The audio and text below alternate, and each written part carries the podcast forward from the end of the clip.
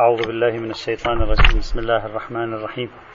الحمد لله رب العالمين وصلى الله على سيد خلقه وأعز رسله حبيبنا محمد وعلى آله الطيبين الطاهرين الأكرمين.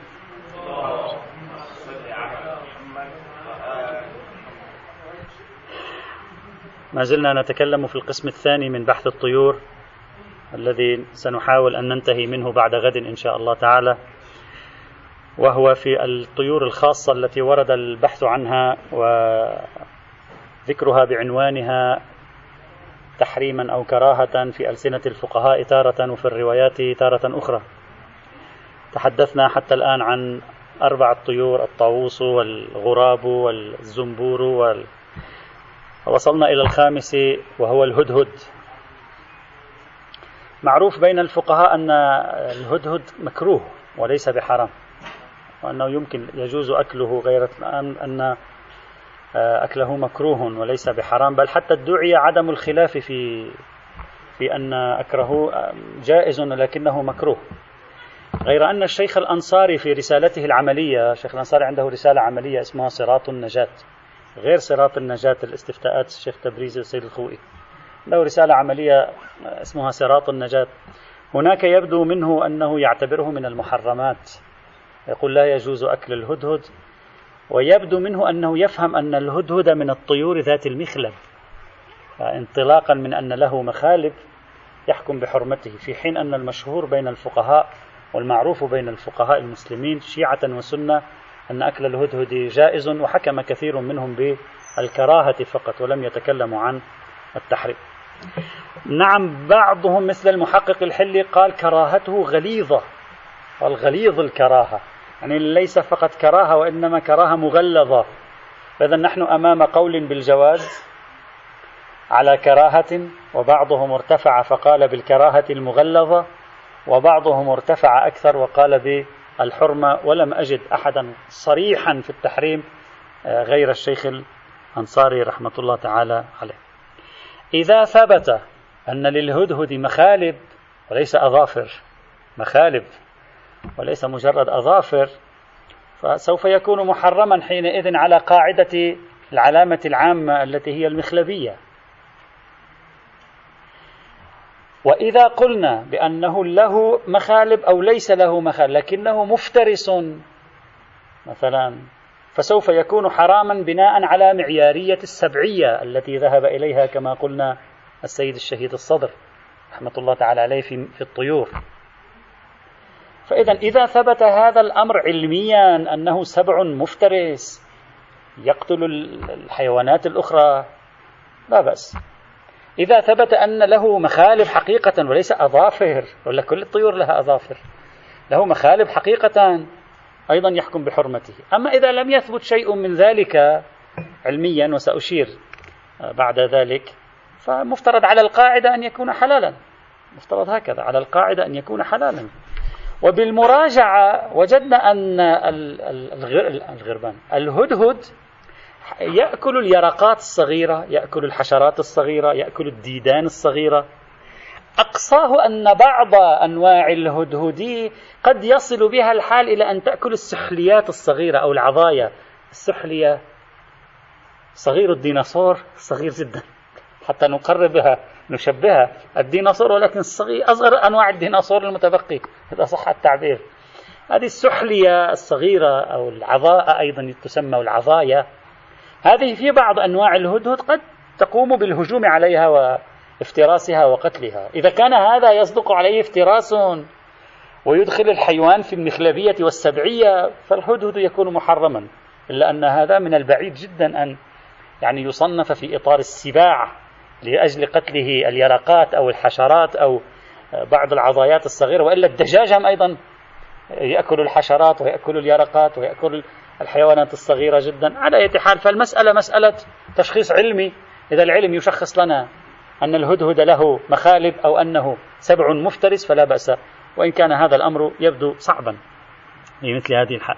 طيب إذا استبعدنا العلامات العامة هل ثمة دليل خاص يثبت حرمة الهدهد بعنوانه أو لا؟ الفقهاء عمدة دليلهم مجموعة قليلة من الروايات ليس فيها حديث عن أكل الهدهد. لاحظوا جيدا. أرجو الانتباه جيدا. ما عندنا ولا رواية تقول الهدهد لا يؤكل. عمدة الأدلة في موضوع الهدهد أن عندنا روايتين ثلاث روايات تقول لا تقتل الهدهد. نهي عن قتله وأذيته وليس النهي عن أكله. فاستنتج جملة من العلماء أن النهي عن قتل الهدهد وأذية الهدهد يتضمن أو يستلزم أو يدل بدلالة ما على حرمة أكله ف أو على كراهة أكله معذرة فحكموا بكراهة أكله انطلاقا من حرمة أو النهي عن قتله. وإلا لا نجد رواية مباشرة حديث آه، رواية تقول مثلا لا يجوز أكل الهدهد أو لا تأكله إذا من أين أتوا بكراهة أكل الهدهد؟ أتوا بكراهة أكل الهدهد مما دل من الروايات عن النهي عن قتله فاستنتجوا من ذلك كراهته. هذا حاصل الدليل العمدة إذا استبعدنا العلامات العامة. وعليه.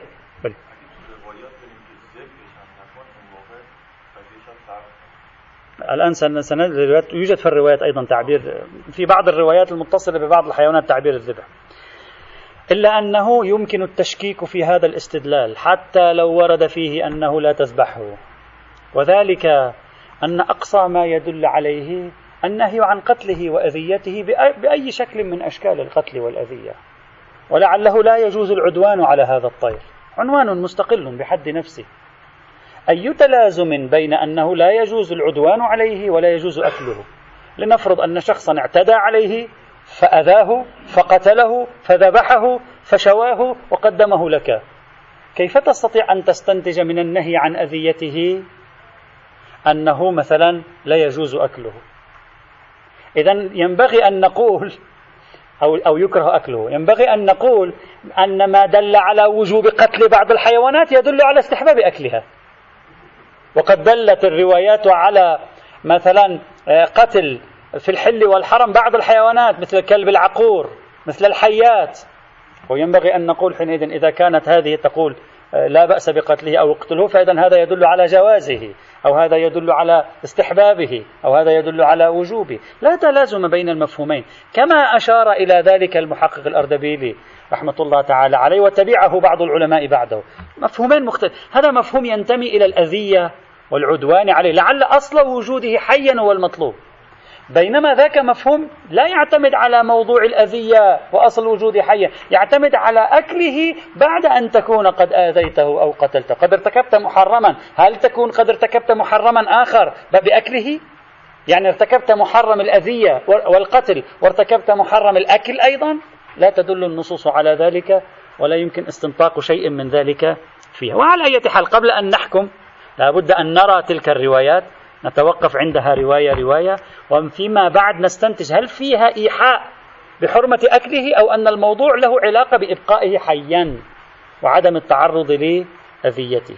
عمدة الروايات في المقام روايتين ثلاثة. الرواية الأولى معتبرة علي بن جعفر عن أخيه موسى عليه السلام. قال وسألته عن قتل النملة أيصلح؟ أيصلح أن نقتل النملة؟ قال لا تقتلها إلا أن تؤذيك. لا تقتل النملة إلا أن تؤذيه إذا ما أذتك النملة لا تقتل ما تقتلها. وسألته عن قتل الهدهد أيصلح؟ قال لا تؤذه ولا تقتله ولا تذبحه فنعم الطير هو. خوش طير. طيب جيد. هذه الرواية الأولى العمدة التي هي المعتبرة الوحيدة في الباب صحيحة السند. النهي عن قتله قال لا تؤذه واضح النظر إلى جنب الأذية والعدوان عليه لا تؤذه لا تقتله لا تذبحه. وعلل بنعم الطير هو لم يعلل بخباثة لحمه. حتى نقول القضية قضية أكل وإنما علل بنعم الطير هو. لو كان المراد النهي عن أكله ما يعلل بنعم الطير هو يعلل ببئس الطير لحمه مثلا. فالرواية واضحة في النهي عن أذية الهدهد قتل الهدهد ذبح الهدهد. جهة نظرها هي القتل والعدوان على الهدهد. أما لو حصل عدوان على الهدهد هل يجوز أكل لحمه بعد ذلك أو لا؟ ساكتة هذه الرواية. نعم هو هذا الذي نريده.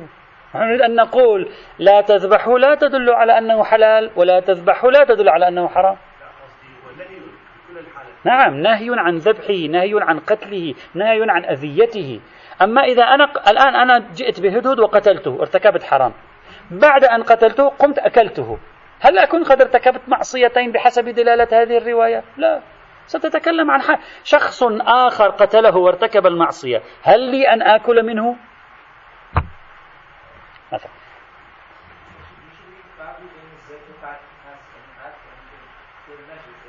الذي أشار إليه سماحة الشيخ لا فرق بين الذبح لأن سياق الحديث سياق الأذية لأن السائل يسأله أيضا عن قتله. والشاهد على ما أقول أن السائل في السؤال الأول سأله عن النملة ولا أحد يأكل النمل. يعني لا أقل في بل... السائل لا يحتمل أنه يقصد أكل النمل. يعني المنظور أذية الحيوان. وليس المنظور أكل الحيوان. هو يريد أن يقول له إياك أن تقترب منه أذية بمطلق الأذية بقتله بذبحه بأي شيء لا تفعل ذلك. أما بعد الذبح هل هو حرام أو ليس بحرام؟ ساكت الرواية عن إفادة شيء من ذلك. ولو كانت دالة للزم أن نقول بحرمته لا أن يقول بحل بحليته على كراهة. فإذا الرواية ليس فيها نظر واضح آه، في هذا المجال. الرواية الثانية. هلا نعم الطير هو ماذا ربما يكون هناك حاجة للإنسان إليه حاجة للمزروعات إليه لعله يحدث توازن بيئي لعل سلوكه سلوك جيد. لا أدري ما مقصود بنعمة الطير هو. يعني ذاك بئس الطير هذا نعمة. لا يؤذي أحدا على ما يبدو. الرواية الثانية خبر سليمان الجعفري عن, عن أبي الحسن الرضا عليه السلام قال نهى رسول الله صلى الله عليه وعلى آله وسلم عن قتل الهدهد والصرد. سيأتي الحديث عن الصرد. والصوام والنحلة. طيور هذه أنواع من الطيور مع النحلة أيضا. الرسول نهى عن قتلها كما يقول الإمام الرضا عليهما السلام. هذه الرواية وردت بصيغة أخرى عند الشيخ الصدوق. هكذا قال إن رسول الله صلى الله عليه وعلى آله وسلم نهى عن قتل خمسة. الصرد في. في عندنا النسخة هكذا تقول الصرد الصوام. يعني كأنما الصرد هو عينه الصوام راح يجي بعدين البحث في هذه. والهدهد والنحلة والنملة والضفدع. في الأعلى ما في ضفدع. وأمر بقتل خمسة. الغراب والحدأة والحية والعقرب والكلب العقور.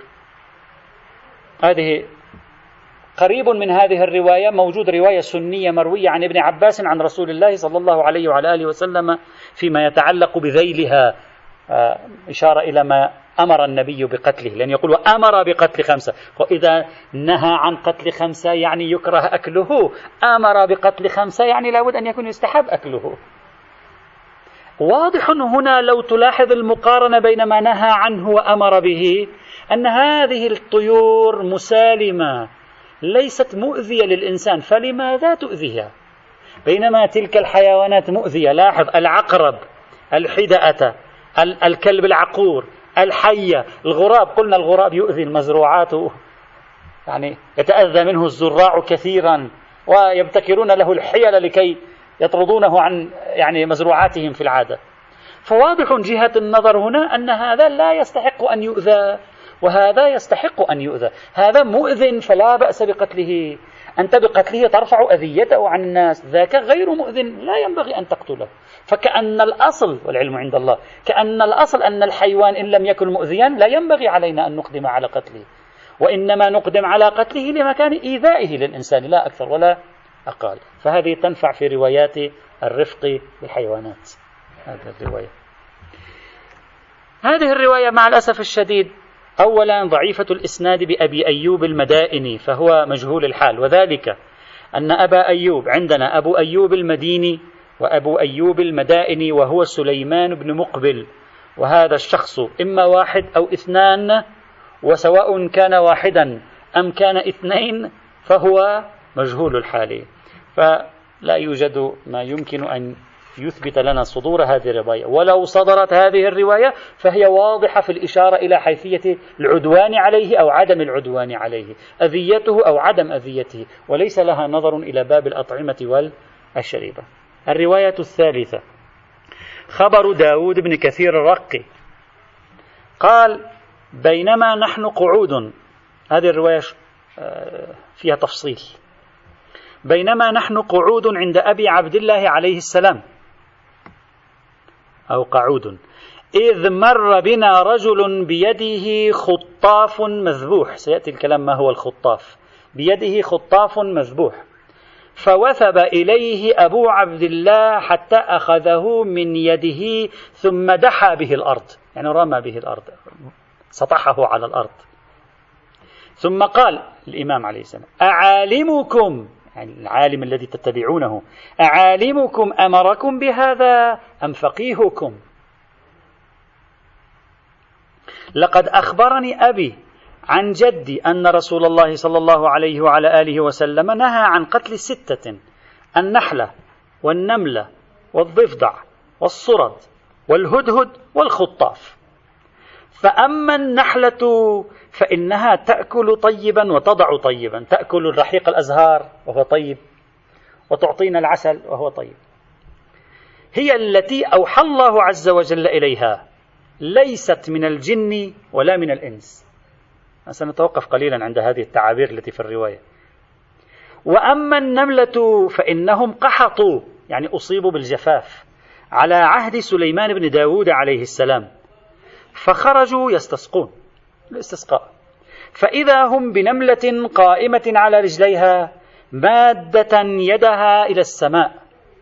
وهي تقول اللهم إنا خلق من خلقك لا غنى بنا عن فضلك فارزقنا من عندك ولا تؤاخذنا بذنوب سفهاء ولد آدم. هؤلاء الحمقى السفهاء نحن ما لنا علاقة نحن مطيعين. طيب فقال لهم سليمان رجعوا إلى منازلكم أو ارجعوا إلى منازلكم. فإن الله تبارك وتعالى قد سقاكم بدعاء غيركم. وأما الضفدع فإنه لما أضرمت النار على إبراهيم شكت هوام الأرض إلى الله عز وجل. هوام يعني الحيوانات الصغيرة التي على الأرض. واستأذنته أن تصب عليها الماء. صب الماء على النار. فلم يأذن الله عز وجل لشيء منها إلا الضفدع. قال له أنت صب الماء. هذا الضفدع راح يصب الماء فاحترق منه الثلثان وبقي منه الثلث. هلا هذه ما معنى احترق منه الثلث؟ ربما هو نفس الضفدع الذي ذهب احترق الضفدع من الأعلى مثل المحترق. من الأسفل تجده ليس تلاحظ تأمل به. شوف الصورة. مثل أغلبية جسده من الأعلى محترقة. البقية الباقية من أسفله ليست محترقة. تجدها نضرة. لونها أكثر نضارة من لون ما على الأعلى في العادة. ربما هذا هو المقصود. فاحترق منه الثلثان وبقي منه الثلث. وأما الهدهد فإنه كان دليل سليمان عليه السلام إلى ملك بلقيس. هكذا ملك بلقيس. ربما ملكة بلقيس أو اسم جنس. وأما الصرد فإنه كان دليل آدم عليه السلام من بلاد سرانديب إلى بلاد جدة. في عندنا مجموعة نحن من بعض الروايات وهذه موجودة حتى في الثقافة الشعبية أن النبي آدم نزل في سرانديب. سرانديب بحسب المعاجم القديمة وال يعني الكتب القديمة. سرانديب يبدو أصل الكلمة من لغات تلك البلاد. لا أدري ما أي لغة كانت يعني أكيد القديمة ليس الأردو الآن. لأنها منطقة يقولون جزيرة حتى الكلمة في أصلها اللغوي على ما يبدو تتضمن معنى جزيرة. جزيرة من جزر من جزر شرق الهند. يعني كأنما قريبة من الصين قريبة من الهند على حسب ما توصفها الكتب القديمة وبعض التعليقات. فالمعروف بعضهم يقول أن آدم سلام الله عليه نزل هناك وأن الصرد هو الذي دله على الطريق حتى جاء إلى جدة. وهكذا المعروف أن النبي آدم كان في مكان ما نزل على هذا المكان أين هو؟ المهم أنه جاء إلى مدينة جدة ومن هناك دخل إلى يعني المنطقة. أنا أعرف أحد الإخوة الباكستانيين صديقنا صديق عزيز يعني كان يشرفنا في الدرس قبل أن يعني الآن يذهب عدة سنوات. فهو قال لي قال لي نحن في منطقة البنجاب في منطقته لا أدري في أي منطقة في البنجاب. قال نحن عقيدة منطقتنا بعض أهل منطقتنا أن آدم عليه السلام نزل هناك. وأن هناك يعني ممر تحت الأرض يبدو يوجد حفرة كبيرة يبدو لها تفسير أسطوري عندهم لا أدري. أن من هنا نزل آدم وأنه من هنا إذا ننزل من هنا نخرج في جدة. يعني ونصل إلى تلك المنطقة. فهذه الفكرة موجودة. هذه الرواية تشير إلى هذه الفكرة. نعم. آه، ربما أيضا. آه ممكن هذه تكون هي هذه الجزيرة في منطقة معينة لا أدري. هذه سرانديب سرالانكان ما أعرف لا يمكن. لست خبير لغة قديمة يجب واحد يحفر. ربما الكلمة تكون لأننا التحليلات التي رأيتها قديمة للكلمة ترجعها إلى اسم والاسم مركب وفيه معنى كلمة جزيرة كذا. لا أدري. لست خبير في هذه. وأما الصرد فإنه كان دليل آدم عليه السلام من بلاد سرانديب إلى بلاد جدة شهرا يعني استمر المسير شهر كامل. وأما الخطاف فإن دورانه في السماء أسفا أو أسفا لما فعل بأهل بيت محمد صلى الله عليه وآله وسلم. يعني هذا الخطاف اللي هو نعبر عنه في اللغة العربية تعبير آخر الصنونو أو السنون الذي يطير بسرعة في الهواء. هذه التجمعات التطير صغير جدا. يقول هذا يدور في السماء ويعني تأسف على ما فعل بآل بيت محمد صلى الله عليه وعلى آله وسلم وتسبيحه قراءة الحمد لله رب العالمين ألا ترونه وهو يقول ولا الضالين؟ يعني ألا ترون هذا السنون يقول ولا الضالين؟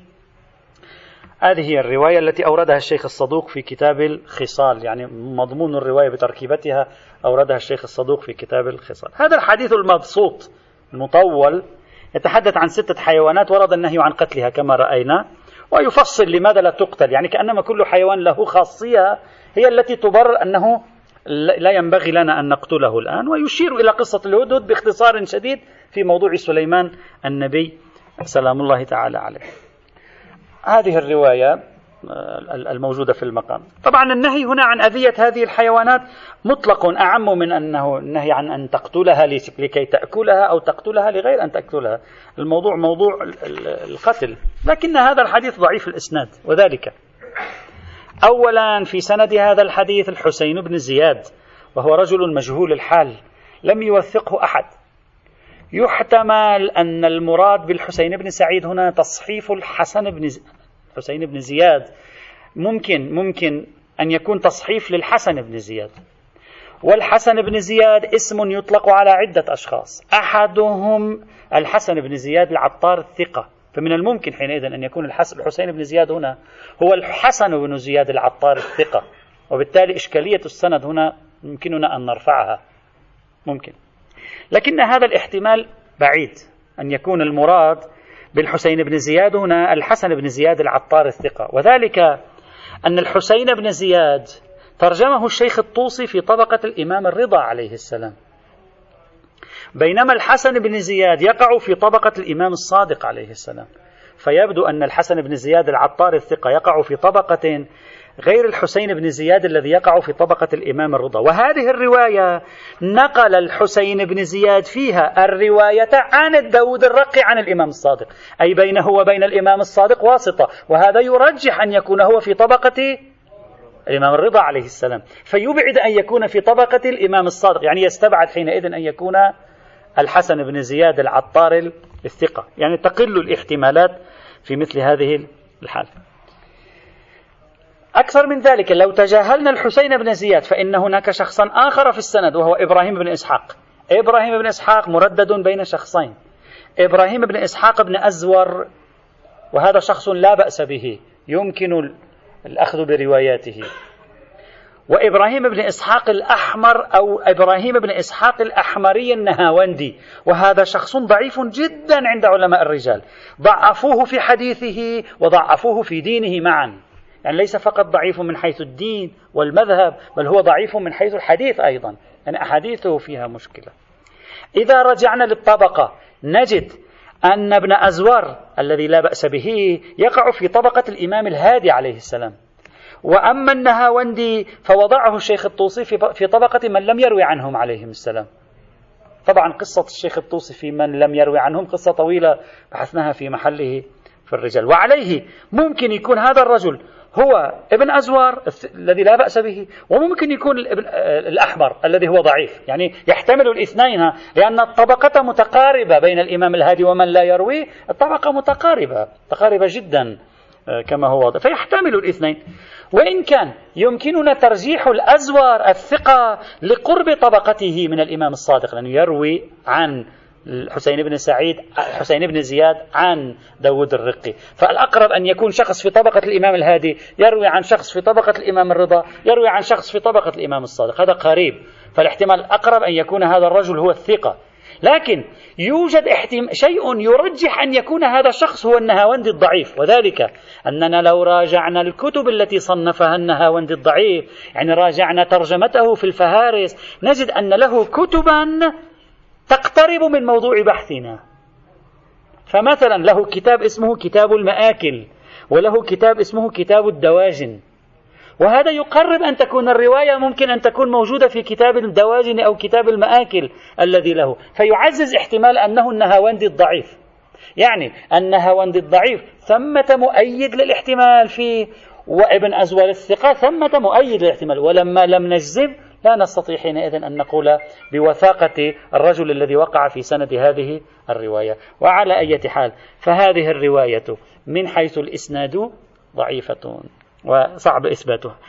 أضف إلى ذلك من حيث الدلالة هم أيضا بينا سابقا أنها لا تدل لأن أقصى ما تدل عليه موضوع القتل لا أكثر ولا أقل. توجد بعض الأسئلة في متن هذه الرواية. تفضل.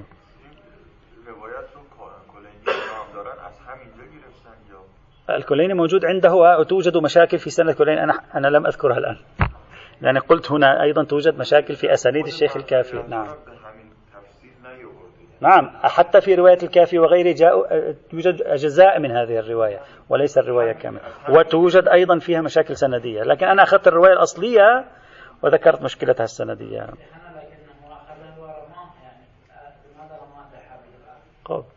الاستنكار على قتله. واضح يستنكر عليه قتل لاحظوا الرواية شيخنا سيدنا. نعم لا لاحظوا لاحظوا.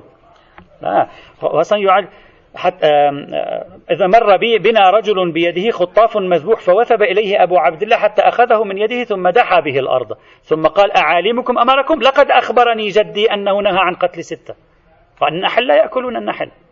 النمل لا أحد يأكل النمل. حتى يقول ينهى عنها إشارة إلى النهي عن أكلها. فليس في الرواية آه، ظهور واضح. نعم لم أنفي أن النهي عن القتل فيه إشعار إلا أنه ليس فيه دلالة حينئذ. للاستنكار على قتلهم له. للاستنكار مثل النبي في موضوع الحمر الأهلية. لماذا رمى القدور؟ ضرب من الاستنكار عما فعلوا. لذلك لم يعلل بن... لم يقل له لا تأكله وإنما فقط علل بأنكم من أمركم بمثل هذا أن تفعلوا شيئا من هذا. توجد بعض الأسئلة هي أسئلة فقط أنتم فكروا فيها وتأملوا فيها. أولا لم أفهم كثيرا طريقة تصرف الإمام عليه السلام مع الرجل حامل الخطاف. ربما تكون هناك ملابسات ربما هذا الرجل يوجد مشكلة بينه وبين الإمام ربما هذا الرجل ثمة معلومات حوله نحن لا نملكها. لكن أن يكون شخص يمر وبيده خطاف مذبوح ثم يأتي الإمام دون أن يشار في الحديث إلى سابق إنذار ثم يأخذه منه ثم يرميه أرضا ثم يشن هجوما بهذه الطريقة. تبدو لي غير مفهومة كثيرا تحتاج إلى تبرير. ممكن يكون هذا الرجل هناك معلومات الرواية لا تشرحها لنا موجودة عنه هناك خلفية مسبقة آه، حوله بررت للإمام أن يفعل ذلك. أو ربما مزيد تشدد الإمام كثيرا في الموضوع أراد أن يحدث مثل يعني الصدمة شك لهذا الشخص مثلا حتى ينبهه على ذلك. الاحتمالات موجودة لكن هو سؤال يعني يمكن أن نطرح له أجوبة تأملية. ثانيا أيضا لم أفهم كثيرا وأعيد وأكرر هذه أسئلة ليست إشكالات. ما معنى أن النحلة ليست من الإنس ولا من الجن؟ فلم أفهم مثلا. ما المقصود من تعبير؟ لعل هذا التعبير له يحمل دلالة مصطلحية. يعني ليس من الإنس ولا من الجن. يعني على أساس مثلا أن بعض الحيوانات من الجن بعض الحيوانات من الإنس. ربما يشير إلى المسوخ يحتمل. يعني مثلا هل بقية الحيوانات مثلا هي إنس أو جن مثلا؟ ربما. فما معنى كانت إنس أو جن؟ ربما يقصد المسوخ. يعني أصلها إنس أو جن. هذا ما أيضا احتمال. يثير في الذهن هذا الموضوع سؤالا. أيضا أضف إلى ذلك قضية احتراق ثلثي الضفدع. هذا أيضا لم أفهمها كثيرا. فهل هذا الضفدع الذي وثب في زمن إبراهيم وإبراهيم على أبعد المرويات التاريخية الدينية وغير الدينية لا يزيد عن يعني ثلاث أربعة آلاف عام من يومنا هذا؟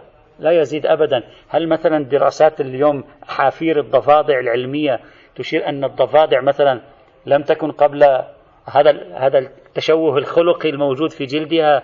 مثلا ظهر قبل أربعة ألاف عام مثلا. ثم هذا الضفدع الذي وثب واحترق جلده هل صار هو أبو الضفادع فيما بعد؟ ولا يوجد سلالة ضفدعية غيره؟ الرواية يعني هناك أسئلة تحتاج إلى تحليل وتأمل. قد لا نملك جوابا عليها لكن على حال تثير في الذهن سؤالا هل الضفدع مثلا لم يوجد يعني بهذه الطريقة قبل أبينا إبراهيم عليه السلام؟ أو وجد؟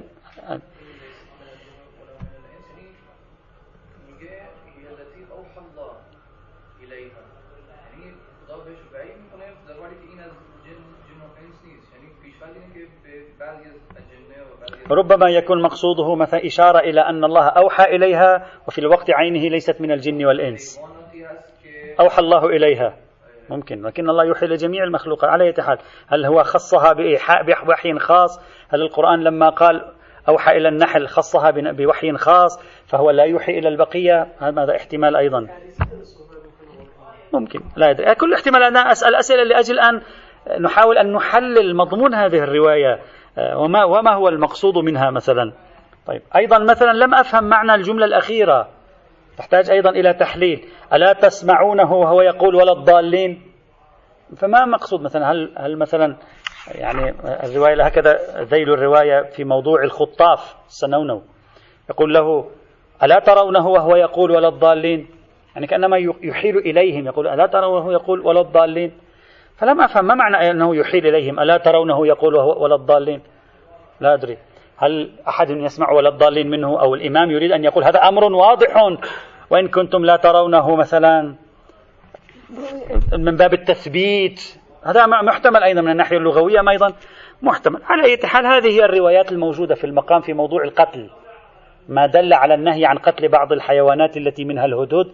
هذه ثلاث روايات في المقام ورد فيها تعبير الهدهد يهمنا الآن الهدهد في الموضوع. فهذه الروايات من حيث العدد ثلاثة روايات واحدة منها صحيحة الإسناد اثنان منها آه، من حيث الإسناد ليس ضعيفا. بناء على نظرية حجية خبر الواحد الثقة لابد أن نأخذ بها. وإذا صحت الاستفادة منها ينبغي أن يقولوا بحرمة أكله. فلا أدري لماذا قالوا بكراهة أكله. إذا صحت الاستفادة منها وبنينا على الأخذ بها فإن النهي عن قتلها ينبغي منهم أن يقول بحرمة قتلها بحرمة أكل أكل الهدهد. فلماذا قالوا بالكراهة؟ يخيل لي أنهم لم يفهموا منها الحرمة. لذلك قالوا مشعرة بالنهي وحملوا الإشعار بالنهي على الكراهة. ربما هكذا. وهذا غير وجيه أصلا. إذا إما هي تدل أو لا تدل على الأكل. إن كانت تدل على الأكل وظاهرها النهي فلا بد أن نقول بحرمة الأكل. وإن كانت لا تدل على الأكل فلا ينبغي أن نقول بكراهة الأكل أصلا. فكيف جمعوا بين أطراف هذه الروايات ليقولوا ليس حرام الأكل؟ وفي الوقت عينه مثلا هو مكروه مثلا. أضف إلى ذلك إذا كانت هذه الروايات ظاهرها النهي وينبغي على قواعدهم أن يقولوا بحرمة قتل هذه الحيوانات مع أننا لم نجد لهم فتوى بحرمة قتل النمل. إلا نادرا بعض الفقهاء يشير إلى ذلك. المشهور مثلا لا الذين قالوا بكراهة الهدود لا يقولون مثلا بالحرمة في مثل هذه الحال. وعلى أي حال فهذه المرويات لا أفهم منها إلا إشعارا بمرجوحية أكله. وإلا ينبغي أن نقول بأنه لا ينبغي قتله وهناك إشعار بالمرجوحية ويمكن أن يتكلم الإنسان عن الاحتياط الاستحبابي في المقام. أما الإفتاء بالحرمة أو الإفتاء بالكراهة من خلال هذه الروايات التي لا تشير إلى الأكل. إشارة واضحة. وما يشير منها بإشعار ما ضعيف الإسناد حتما صعب حينئذ البناء عليه. والنتيجة لم يثبت بدليل معتبر القول بحرمة أكل الهدهد إلا إذا أرجعناه إلى ما ألمح إليه كما قلت الشيخ الأنصاري من أنه له مخالب أو أنه مفترس سبعي. إذا ثبت هذا علميا لا بأس. لم يثبت هذا علميا بحث آخر. الحيوان السادس والسابع معا هم 12 حيوان. السادس والسابع معا. الصرد والصوام. الفقهاء ميزوا بين طائرين. قالوا في طائر اسمه الصرد وفي طائر اسمه الصوام. هكذا قالوا. الصرد قالوا طائر أكبر من العصفور. العصفور صغير أكبر بقليل من موجودة صوره على الإنترنت إذا واحد يعني. قالوا طائر أكبر بقليل من العصفور. هكذا رأسه يعني رأسه ضخم نسبة لجسده وله منقار. المنقار هو الفم الذي له طول يعني. وعادة هذا يصيد صغار الحشرات يأكل صغار الحشرات إلا أنه يأكل بعض أنواع الطيور الصغيرة مثل الحسون طائر طائر الحسون وجمعه الحساسين. يأكلها يفترسه يهجم عليه يقتله ويأكله. رغم أنه ليس بكبيرها ولكن لديه من هذه الشراسة أنه ليس فقط يأكل الحشرات والديدان غير أنه يهجم أيضا على بعض الطيور الصغيرة مثل الحساسين ويقوم بقتلها والاعتداء عليها و يعني يأكل منها أو يفترسها يعني بتعبير أو بآخر. ومن الن... بعد المراجعة يبدو أن الصرد الذي أطلقوا عليه هذا العنوان في الكتب القديمة هو ما يسمى أيضا بالدقناش الدقناش أو الدقنوش. وهو فصيلة عصفورية أيضا لها أنواع كثيرة لها ثمانين نوع أيضا. وهو نفسه على ما يبدو من المراجع العلمية في ذلك. الفقهاء قالوا الصوام طائر أغبر اللون طويل الرقبة أكثر ما يبيت في النخل. هكذا قالوا. في المراجعة لم أجد في الكتب العلمية أو في الموسوعات شيء اسمه الصوام. لا أدري لعله حيوان آخر أو لعله حيوان باسم آخر لكن هذا الاسم لا يكاد يكون موجودا حتى نعرف ما هو هذا الاسم. لا أعرف ما هو. على أي حال الصرد والصوام طيور ليست بالكبيرة تعيش على ما يبدو في أوساط الناس أيضا. الفقهاء قالوا بكراهة أكلهما. الآن سواء كان الصرد والصوام واحد أو اثنين أكله مكروه. إلا أن بعض الفقهاء قالوا حتى الكراهة ليست بثابتة وقالوا كل ما يثبت كراهة قتله ولا يثبت كراهة أكله. ولهذا نجد مثلا أن السيد الصدر وآخرون قالوا أصلا لا دليل حتى على الكراهة في هذا الموضوع. إذا عمليا نحن أمام طائرين طائر الصرد وطائر الصوام الذي ورد في بعض المرويات أنه أول من صام الصوام ورد في بعض المرويات أنه أول من صام.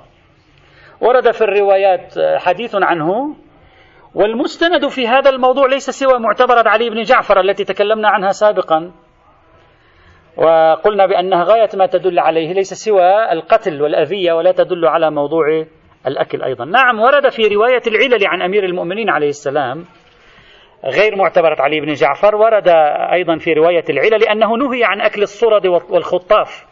موجود النهي عن أكله لأن الرواية مع الأسف ضعيفة جدا لوجود أكثر من مجهول فيها مثل عبد الله بن أحمد بن عامر الطائي وإهمال محمد بن عبد الله بن أحمد بن جبلة الواعظ. وعلى أي حال الروايات من حيث العدد قليلة جدا من حيث الإسناد ضعيفة من حيث الدلالة كما صار واضحا من البحث المتقدم. لا ترجع إلى شيء. فإذا ثبت أن الصرد حيوان سبعي أو له مخالب نرجع فيه إلى القواعد العامة. وإلا لم ليس هناك من روايات خاصة يمكن أن تثبت التحريم فيه بعنوانه ولا حتى أن تثبت الكراهة فيه بعنوانه. أما الصوام فكما قلت لم أجده في المصادر العلمية. الحيوان الثامن الخطاف. بضم الخاء وتشديد الطاء. الخطاف طائر ليلي يطير في الليل وتطلق عليه. له أسماء متعددة في اللغة العربية يعبر عنه بعصفور الجنة. لا أدري هذا الخطاف في الجنة مزعج لأن الخطاف يعني إذا إذا رآه الإنسان في العادة وهو سريع الطيران عادة ما يشعر بالدهشة منه. لا أدري في الجنة هذا ماذا سيفعل لا أعرف. فمسمينه على أساس عصفور الجنة. وزوار الهند يبدو كان له رحل من هجرات الطيور.